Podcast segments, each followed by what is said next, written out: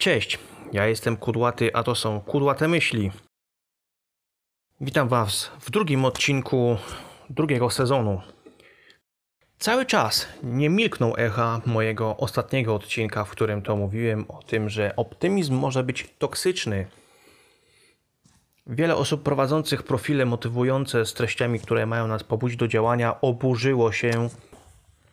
Dostaję mnóstwo wiadomości, dostaję mnóstwo komentarzy, nieprzychylnych głównie, od osób prowadzących tego typu profile, że przecież oni nie chcą zarazić, zakazić w jakikolwiek sposób optymizmem w takim stopniu, żeby był dla nas szkodliwy, ale chcą nas po prostu pobudzić do działania, bo jest zbyt mało osób, które działają mimo swoich obaw.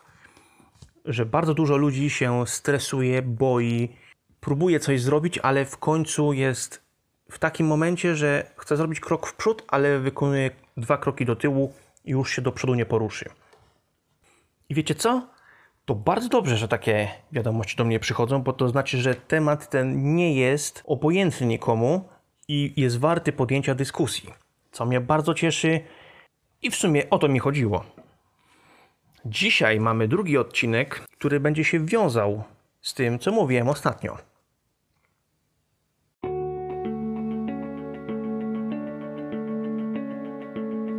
Cześć, ja jestem Kudłaty, a to są Kudłate Myśli. To jest podcast o życiu, które codziennie przynosi nam mnóstwo niespodzianek. Pozwól, że podzielę się z Tobą moimi obserwacjami i moimi doświadczeniami, a także wielokrotnie zaskoczę Cię niecodzienną metaforą i tym samym zachęcę Cię do przemyśleń. Bez zbędnego przedłużania, zaczynajmy!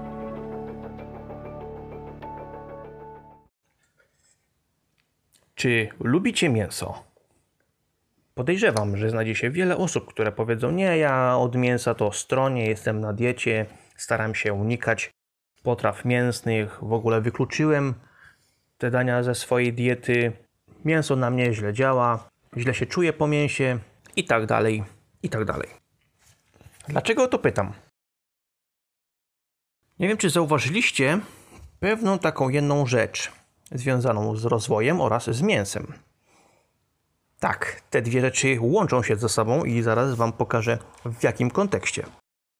Dużo się mówi o tym, że trzeba się rozwijać nie wolno, nie wolno, nie powinno stać się w miejscu, bo nasz świat cały czas ulega zmianie. To, co było modne, fajne, być może trendy, lubiane i och, ach i w ogóle, dosłownie miesiąc temu, za miesiąc nikt nie będzie o tym pamiętać. To, że są pewne zawody, które były respektowane, szanowane i były bardzo, bardzo potrzebne kilka lat temu, nie oznacza to, że za kilka lat one będą nadal tak samo ważne. Kiedy mówimy o rozwoju, najczęściej chodzi nam o kontekst zawodowy, bo przecież umiejętności oraz doświadczenie są bezcenne, bo tak naprawdę są to rzeczy, których nikt nam nie zabierze.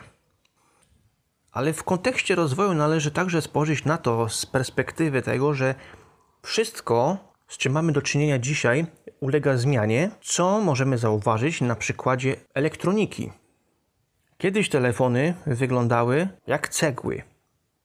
Popularna Nokia 3310 to przecież kultowy telefon. A teraz, czy mamy w świecie smartfonów jakiś kultowy telefon? Możemy powiedzieć, że był jakiś pierwszy smartfon z nową, rewolucyjną funkcją. Ale czy jest telefon, który zyskał miano kultowego w przedziale ostatnich 10-15 lat? Osobiście nie przypominam sobie, żebym gdzieś słyszał o innym telefonie, jako Nokia 3310, że jakiś smartfon stał się kultowym. Zresztą Nokia 3310 stała się dzięki swojej popularności i wytrzymałości obiektem wielu żartów i sympatycznych memów, bo po prostu był to tak dobry telefon. I kto obsługiwał telefon 20 lat temu, właśnie taką Nokia 3310, teraz może mieć trochę większy problem z obsługą najnowszych smartfonów. Bo przecież za moich czasów było inaczej. Chociażby osoby w wieku 30-40 plus 20 lat temu, a teraz mają już 50-60 lat. I niekoniecznie może być to dla nich takie proste, aby się tak przestawić i tak dostosować do tego, jak zmienił się świat elektroniki. Technologia się zmienia, dobra, ok, ale co rozwój ma do tego? Właśnie pozostaje to pytanie, po co się rozwijać? I nie chce mi się rozwijać. Nie mam ochoty na to. Więc po co? Posłużę się w tym celu przykładami. Znasz takie zawody jak szewc, ceglarz albo ślusarz? Podejrzewam, że znasz. Być może korzystałeś z usług szewca i ślusarza, ale ceglarza? Możliwe, że nie. Kiedyś to były zawody bardzo potrzebne, bo przecież buty trzeba było naprawić, bo przecież cegły na budowę domu trzeba było mieć, albo na przykład ślusarz. Czy nie otwierał ci drzwi od domu, kiedy zgubiłeś, złamałeś lub zatrzasnąłeś kluczyk i nie możesz się dostać do domu? A teraz podam ci kolejne przykłady. Analityk danych, programista, administrator sieci IT, psycholog, specjalista e-commerce. Znasz te nazwy? Mogę się założyć, że tak, bo są to zawody obecnie bardzo ważne i rozchwytywane, a jednocześnie przyszłościowe. Programista na pewno znajdzie pracę. Między innymi wynika to dlatego, że sztuczna inteligencja cały czas się rozwija. To raz. A dwa, wszystko chcemy mieć pod kontrolą programów, aplikacji, chcemy mieć dostęp zdalny, możliwość sterowania urządzeniami w domu na odległość, głosem lub z zupełnie innego zakątka świata. A żeby to wszystko działało, potrzebny jest także administrator sieci IT, który zbuduje odpowiednią infrastrukturę w swojej firmie albo w firmie, która go zatrudnia i będzie musiał opracować taką architekturę, która pozwoli ci na to, abyś mógł coś zdalnie zrobić w swoim domu lub na swoim komputerze, będąc setki kilometrów stąd. Psycholog i specjalista do spraw e-commerce. Akurat tutaj te dwa zawody zebrałem razem, ponieważ jak pokazały ostatnie dwa lata, 2020 i 2021 rok, z uwagi na ograniczenie dostępu do pewnych rzeczy, wygód, pewnych aktywności, pewnych czynności, miejsc, do których mamy dostęp, a to wszystko było związane z COVID-em, wielu ludziom bardzo pogorszył się stan psychiczny z tego powodu, że była to rzecz, na którą nie mają wpływu, a z którą nie mogą sobie poradzić. I tutaj z pomocą przychodzi psycholog, ponieważ ludzie masowo zgłaszają się do psychologów oraz specjalista do spraw e-commerce, ponieważ wielu przedsiębiorców, wielu sprzedawców przeniosło swoje sklepy do sieci internetowej, aby móc sprzedawać mimo obostrzeń, mimo braku fizycznego ruchu w swoich sklepach lub ograniczenia osób, które mogą naraz kupować. I pozostaje pytanie, co to ma wspólnego ze wzrostem oraz z mięsem? Zaraz Ci podaję przykłady na poparcie mojej tezy. Przykład pierwszy: drzewo.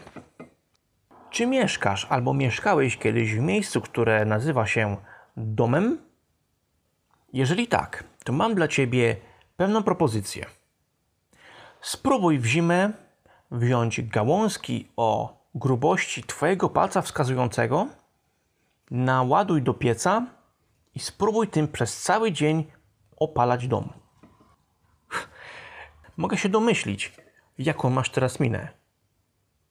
Pukasz się w czoło, mówisz, ty gościu, co ty mi tu proponujesz? Przecież wiadomo, że takimi gałązkami to ja sobie napalę na 10 minut i po wszystkim. Czyli co? Czyli potrzebujesz grubszej gałęzi? Grubszego pieńka? No oczywiście, że tak.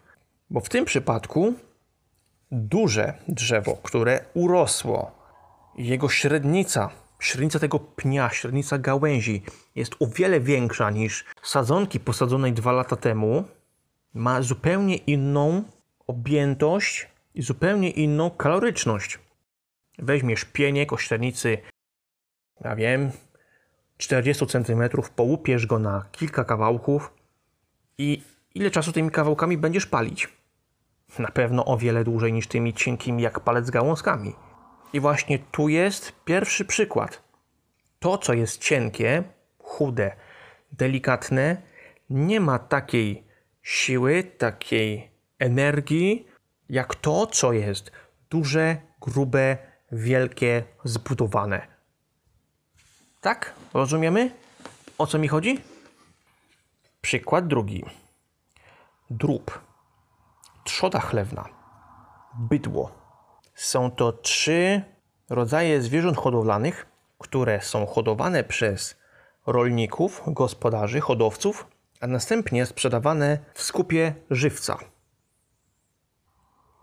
I powiedz mi, jak myślisz, czy hodowca, oddając to zwierzę do skupu, sprzeda małego prosiaczka, małą krówkę i małą kurkę, czy raczej będzie karmił, doglądał, leczył te zwierzęta tak długo, aż nadejdzie odpowiedni czas, żeby móc je sprzedać, czyli dużego byka, porządną świnię i dużą kurę.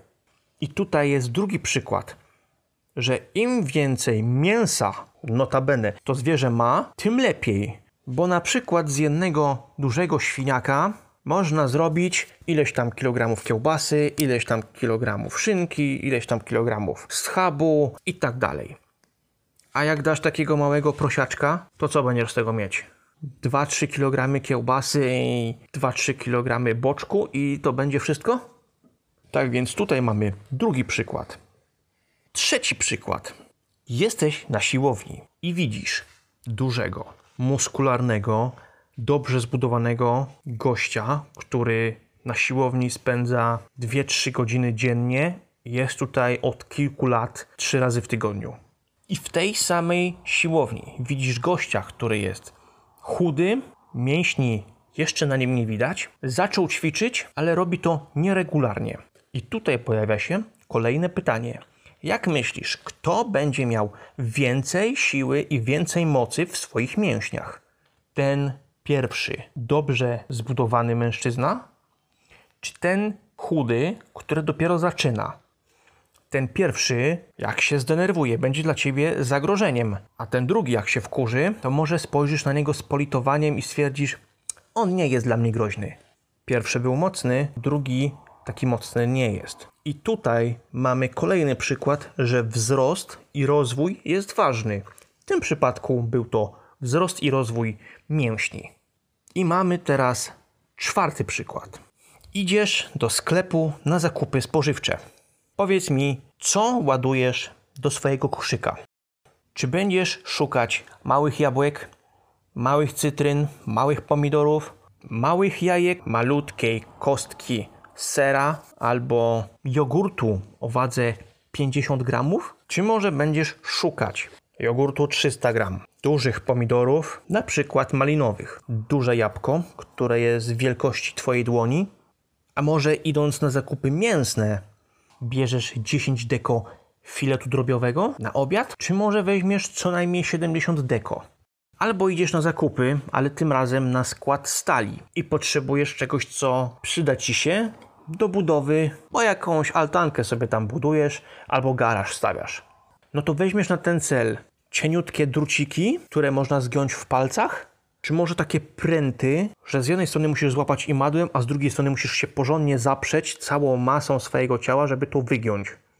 A jak kupujesz drewno na tartaku, to kupujesz delikatne kantówki 4 na 4 czy może szukasz kantówy 10 na 10 bo jest grubsza, większa, mocniejsza. I tutaj mamy przykład numer 4.